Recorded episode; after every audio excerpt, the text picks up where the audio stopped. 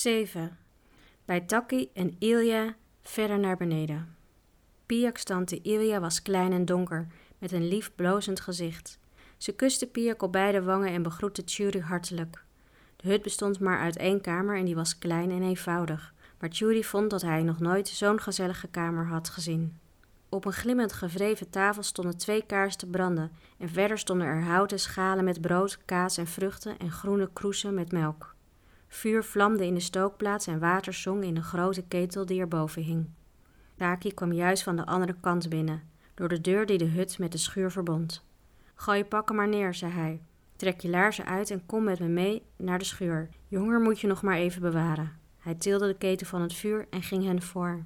In de schuur stond een tobbe klaar, half met water gevuld. Taki goot er de inhoud van de ketel bij. Zo, zei hij, nu is het lauw. Kleed je uit en spring erin. Er is niets dat je zo goed doet als een bad. Dat geloofden de jongelingen meteen. Taki liet hen alleen en sloot de deur achter zich. Maar even later keek Ilja om een hoekje en gaf hun een handdoek. Geef me jullie kleren eens hier, zei ze, dan zal ik ze afborstelen en even uithangen. Hier is iets om zo lang aan te trekken. Nadat ze gebaat hadden, verbond Piak Tjuri's wond weer. Het geneest nu mooi, zei hij, en dat is maar goed ook, want er zit niet veel meer in mijn ouders flesje. Korte tijd later kwamen Tjuri en Piak de kamer weer binnen, met vochtige haren en rode wangen. De een gekleed in een lang blauw hemd en de ander met een gelapte rode broek. Beide van Taki afkomstig. Ilja roerde in de pot die nu boven het vuur hing. Taki zat aan tafel en noodde hen aan te schuiven. Begin maar vast, zei Ilja, als je maar een gaatje bewaart voor de soep. Tante Ilja, zei Piak verrukt, het is heerlijk, bonensoep, maar wij gaan niet eten voordat u bij ons zit. Het is maar eenvoudig, zei Ilja. Ik wist niet dat jullie zouden komen. Nou, het is meer dan genoeg, denk ik, zei Taki. Dat eten ze nooit op. Piak en Tjuri beaamden zijn woorden en daarna deden ze het maal allen eer aan. De hond zat onder de tafel en at wat hem met gulle hand werd toegeworpen. Ondertussen praten ze met elkaar. Taki vroeg hoe hun tocht was geweest en wilde van Piak weten hoe het ging met hun wederzijdse kennissen aan de andere kant van de bergen. Piak vroeg op zijn beurt hoe het hem en zijn vrouw ging en of er nieuwtjes waren uit Filame. Tjuri was de enige die meer luisterde dan sprak. Ik heb jou haast niets gevraagd, Martijn, zei Taki op een ogenblik. Maar dat is geen onhartelijkheid van me. Ik heb gehoord dat je aanwezigheid hier geheim is en daarom denk ik dat vragen je niet lief is.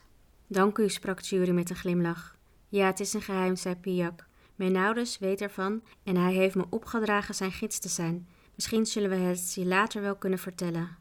Het is maar goed dat ik niet nieuwsgierig ben, zei Taki. Ilja wel, ze zit nu vast te branden van nieuwsgierigheid. Dat is niet waar, zei Ilja. Ik ben nooit nieuwsgierig naar dingen die me niet aangaan. Dan zijn er heel veel dingen die je wel aangaan op deze wereld, zei Taki plagend. Wel, wel. Ik wist niet dat je jezelf zo belangrijk vond. Ze lachte, Ilja ook. Tjuri bedacht dat hij, nu hij de pas voorbij was, zich in het rijk van Unau bevond. Hij vroeg Taki of dat werkelijk zo was. Ja, dat is zo, antwoordde deze, hoewel er mensen zijn die zeggen dat het grote gebergte onder geen enkele heerser valt maar ik beschouw u wel als mijn koning. Je bent toch wel eens in Dagria geweest, niet? vroeg Piak.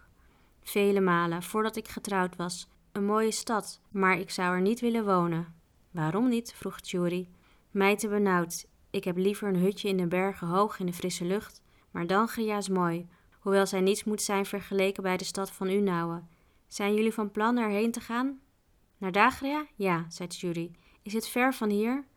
Wel, morgenavond kun je de hoogte van Vilane bereiken en het kost iets meer dan een dag om vandaar aan de voet van de bergen te komen. Zeg, ik weet wat. Daar woont een man bij wie ik vroeger gewerkt heb. Ardok heet hij. Hij is rijk en heeft veel paarden en wagens. Als je het uit mijn naam vraagt, mag je misschien meerijden naar Dangria. Hij rijdt er heel vaak heen om de opbrengst van zijn land daar te verkopen op de markt. Oh ja, dat vindt hij vast goed. Het is een aardige kerel, al doet hij soms bars. Maar dan moet je er vroeg in de morgen zijn. Meestal vertrekt hij voor zonsopgang om smiddags in Dangria te zijn. Dank je, zei Piak. Dat kunnen we best proberen, vind je niet? Martijn, waar woont die Ardok precies, oom Taki? Ik zal het jullie morgen uitduiden, antwoordde deze.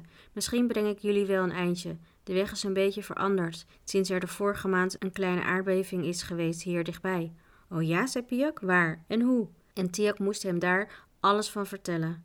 Na het eten gingen ze meteen slapen. De jonge weigerden in de bedstee van Taki en Ilia te kruipen en tenslotte maakte Taki een leger voor hen op de vloer. Toen zeiden ze elkaar goedenacht en sliepen heerlijk in dat vriendelijke huis. De volgende morgen begon ze vroeg met een uitgebreid ontbijt. Ilja maakte ook nog een groot pak brood voor onderweg. Dit is vers, zei ze.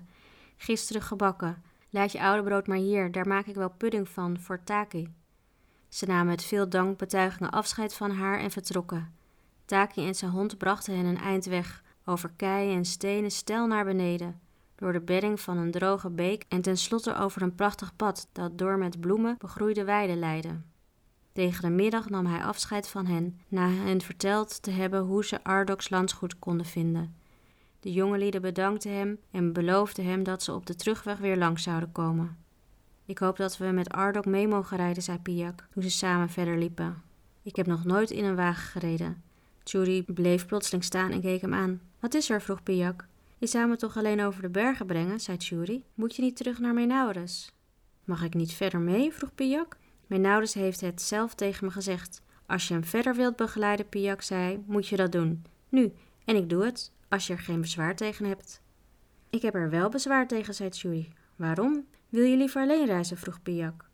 Julie zou dolgraag willen dat Piak bij hem bleef, maar hij antwoordde: Het kan gevaarlijk zijn. Nee, ik wil niet dat je meegaat. Oh, is het daarom? zei Piak. Dat kan me niet schelen. Toe, laat me meegaan naar de stad van Unauwe. Nee, zei Judy, heus, ik kan beter alleen gaan. Piak keek hem teleurgesteld aan. Meen je dat? vroeg hij. Je denkt zeker dat je meer last dan plezier van mij zult hebben. Nee, zei Judy, nee, dat niet. Ik dank je voor je aanbod, maar werkelijk, het is beter van niet, viel Tiak hem in de reden. Dat heb je al gezegd. Je bent bang dat het gevaarlijk is, maar dat weet ik ook al. Ouders wist het en hij vond het goed dat ik ging, als ik wilde, en ik wil graag. Of heb je een andere reden waarom je me niet mee wilt hebben? Nee, zei Judy, maar de reden die ik genoemd heb, vind ik sterk genoeg om je tegen te houden. Ik spring er zo overheen, zei Piak, terwijl hij een sprong maakte ik weet alles van gevaren, van de Rode Ruiters en van Slupor, de spion. Nou, twee kunnen beter oppassen dan één. Je wilt vlug gaan?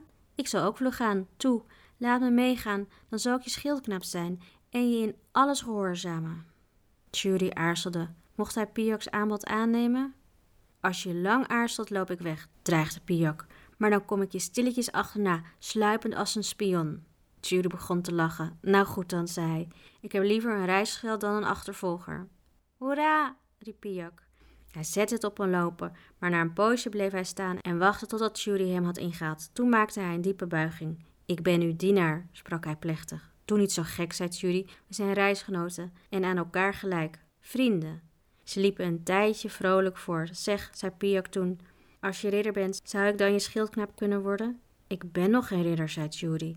Maar als je het wordt, of kan een jongen als ik geen schildknaap worden? Zeker wel. Zou ik het dan kunnen worden? Als je erop staat, zei Judy lachend, dan kan dat best. Ik zal zorgen dat ik de ridderslag ontvang, hoe dan ook, alleen om jou tevreden te stellen. Dat is nou aardig van je, zei Piak.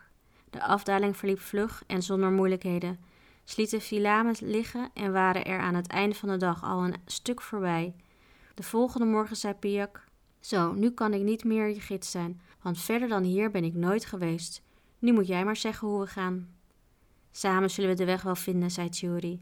Dit kostte niet veel moeite, want Taki had hem precies verteld welke wegen ze nemen moesten. In de namiddag van deze dag hadden ze het hooggebergte helemaal achter zich en bevonden zich in de uitlopers ervan. Hier en daar zagen ze dorpjes liggen en ze kwamen nu ook mensen tegen die hen groeten, maar die geen verbazing of nieuwsgierigheid toonden, ze waren weer in de bewoonde wereld. Pio keek nu en dan om. Vaarwel, Bergen, zei hij een keer. Heb je spijt dat je meegaat? vroeg Judy. Je kunt nu nog terug. Hoe kom je erbij? zei Piak bijna boos. Ze liepen na ondergang nog een tijdje lang door.